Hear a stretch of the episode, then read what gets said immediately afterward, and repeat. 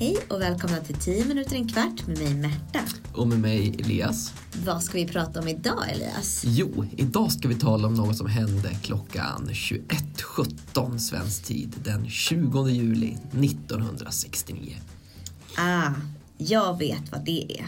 Vi ska prata om månlandningen. Och det stämmer alldeles utmärkt det Märta. Idag ska vi tala om när de första människorna landade på månen. Kul! Ja, visst är det kul. Men innan vi hoppar rakt ut på månytan så måste vi faktiskt ta lite bakgrundsfakta. USA och ett land som heter Sovjetunionen som var ett jättestort land som består av dagens Ryssland och några andra länder, eller ganska många andra länder. Men där Ryssland var det absolut mest dominerande landet. De hade jättelänge tävlat om vem som kunde liksom behärska rymden. Eh, och det här var viktigt för man kunde både spionera på varandra med satelliter men också för att det var prestige. Man ville liksom visa vilket land som låg längst fram i utvecklingen genom att åka till rymden. Och Sovjet var till en början först med det mesta faktiskt. De skickade ut den första satelliten som åkte runt jorden. De skickade upp en hund i en satellit, så den första levande varelsen skickade man upp. Man skickade också upp den första människan som åkte upp i rymden. Och det var en kosmonaut som hette Yuri Gagarin och han åkte ett varv runt jorden 1961. Så amerikanerna låg lite efter och då kom man på den smarta idén att man skulle vara först med att skicka upp en människa till månen. Okej, så det var alltså en tävling mellan två länder som fick USA att skicka människor till månen. Det känns nästan lite löjligt tycker jag. Ja, alltså det är ju verkligen superlöjligt. Men så var det. Och den 16 juli 1969, då var det äntligen dags.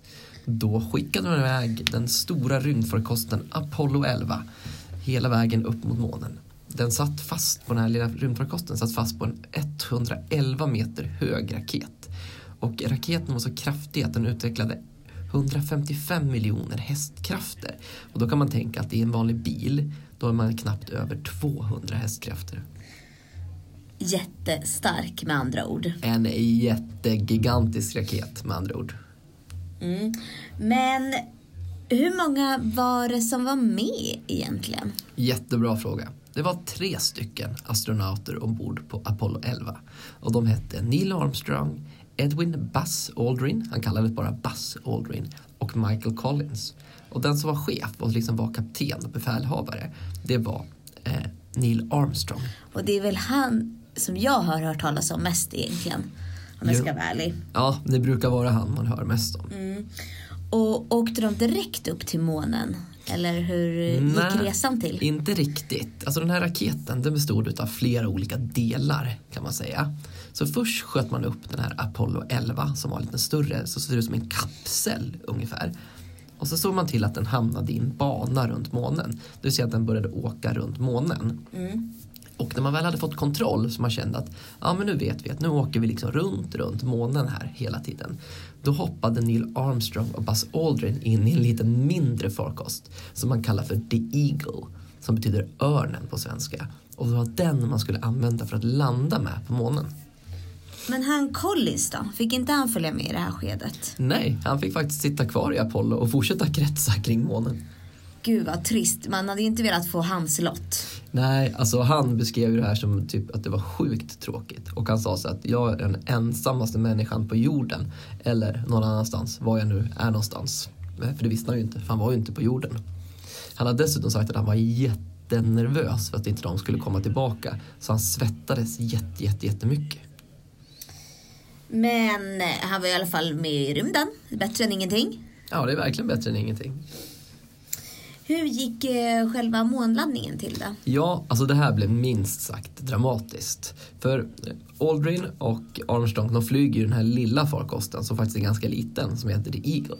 Och de skulle landa och det första som hände det var att de höll på att krocka med ett jättestort klippblock.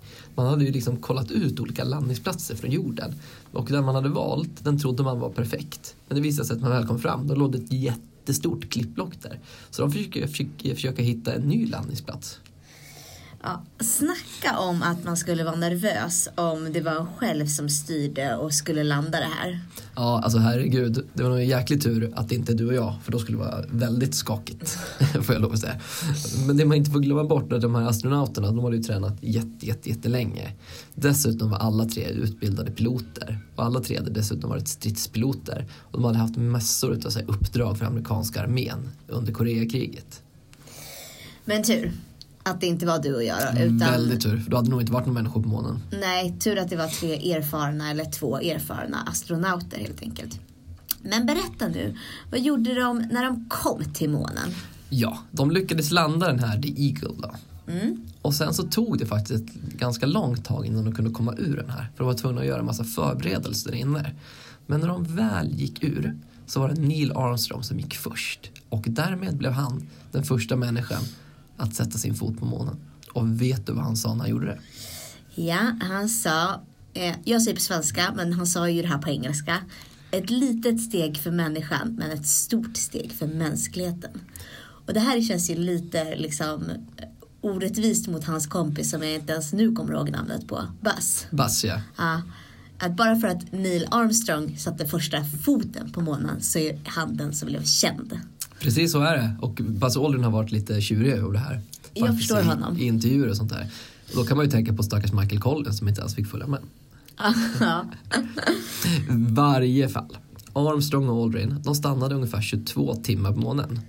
Och av de här 22 timmarna så var de ungefär två timmar så var de utanför själva månlandaren. Mm. Så de var inte så himla länge på själva månens yta. Och vad gjorde de då? Jo, de filmade och fotograferade månen och de samlade ihop lite mångrus och annat som man skulle ta med sig till jorden. Men man är ju inte amerikan för inget. Så de hade faktiskt tagit med sig filmkamerautrustning upp här så man kunde direkt sända det här på TV. Och över 500 miljoner människor på jorden följde den här månpromenaden hemma framför sina TV-apparater. Och om man vill kolla på det här så finns det faktiskt i SVTs öppna arkiv eh, klipp från när man sänder det här direkt sänt i svensk TV. Och sen finns det ett lite lustigt rykte som säger att de båda hade med sig lite golfklubbor för att dunka iväg golfbollar också. Okej, varför då? Jo, alltså gravitationen, alltså det som vi kallar för dragningskraften, den är väldigt svag på månen. Så om man dunkar på en golfboll och får på ett bra slag, då slutar den nästan aldrig fly flyga. Så då kunde ju de här två säga att det var de som hade slagit de längsta golfslagen någonsin. Vilka lustiga karar. Ja men det är sant alltså? Eh, Det om gravitationen, det stämmer. Det här om golfslagen, det har man faktiskt ingen aning om. Eh, Ni får väl kolla på SVTs öppna arkiv så får vi se ifall de slår några golfslag. Mm. Men till minne av att de hade landat på månen så placerade de ut USAs flagga där. Och den satte man fast i en stel ram. Det är nämligen så att det blåser ju inte på månen för det finns ju ingen luft på det sättet. Just det. Så då skulle flaggan bara hänga helt slakt och det hade inte blivit så snyggt på TV.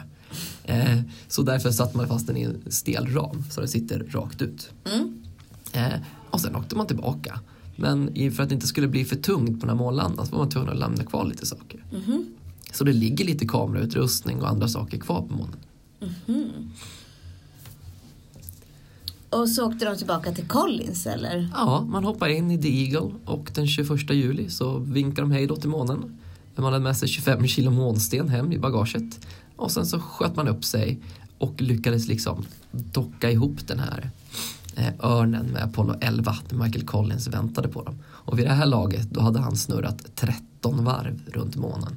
Stackarn. Och svettats. Ja, och svettats och varit orolig och nojat. Men de här två kröp från ena kapseln in till Apollo 11 och sen så landade man Apollo 11 i havet utanför Hawaii och så blev man upphämtade utav båtar och eh, helikoptrar. Ja, och där så lät man dem sitta på en större båt och då var man lite orolig för man visste inte ifall det fanns några liksom konstiga sjukdomar eller något på månen.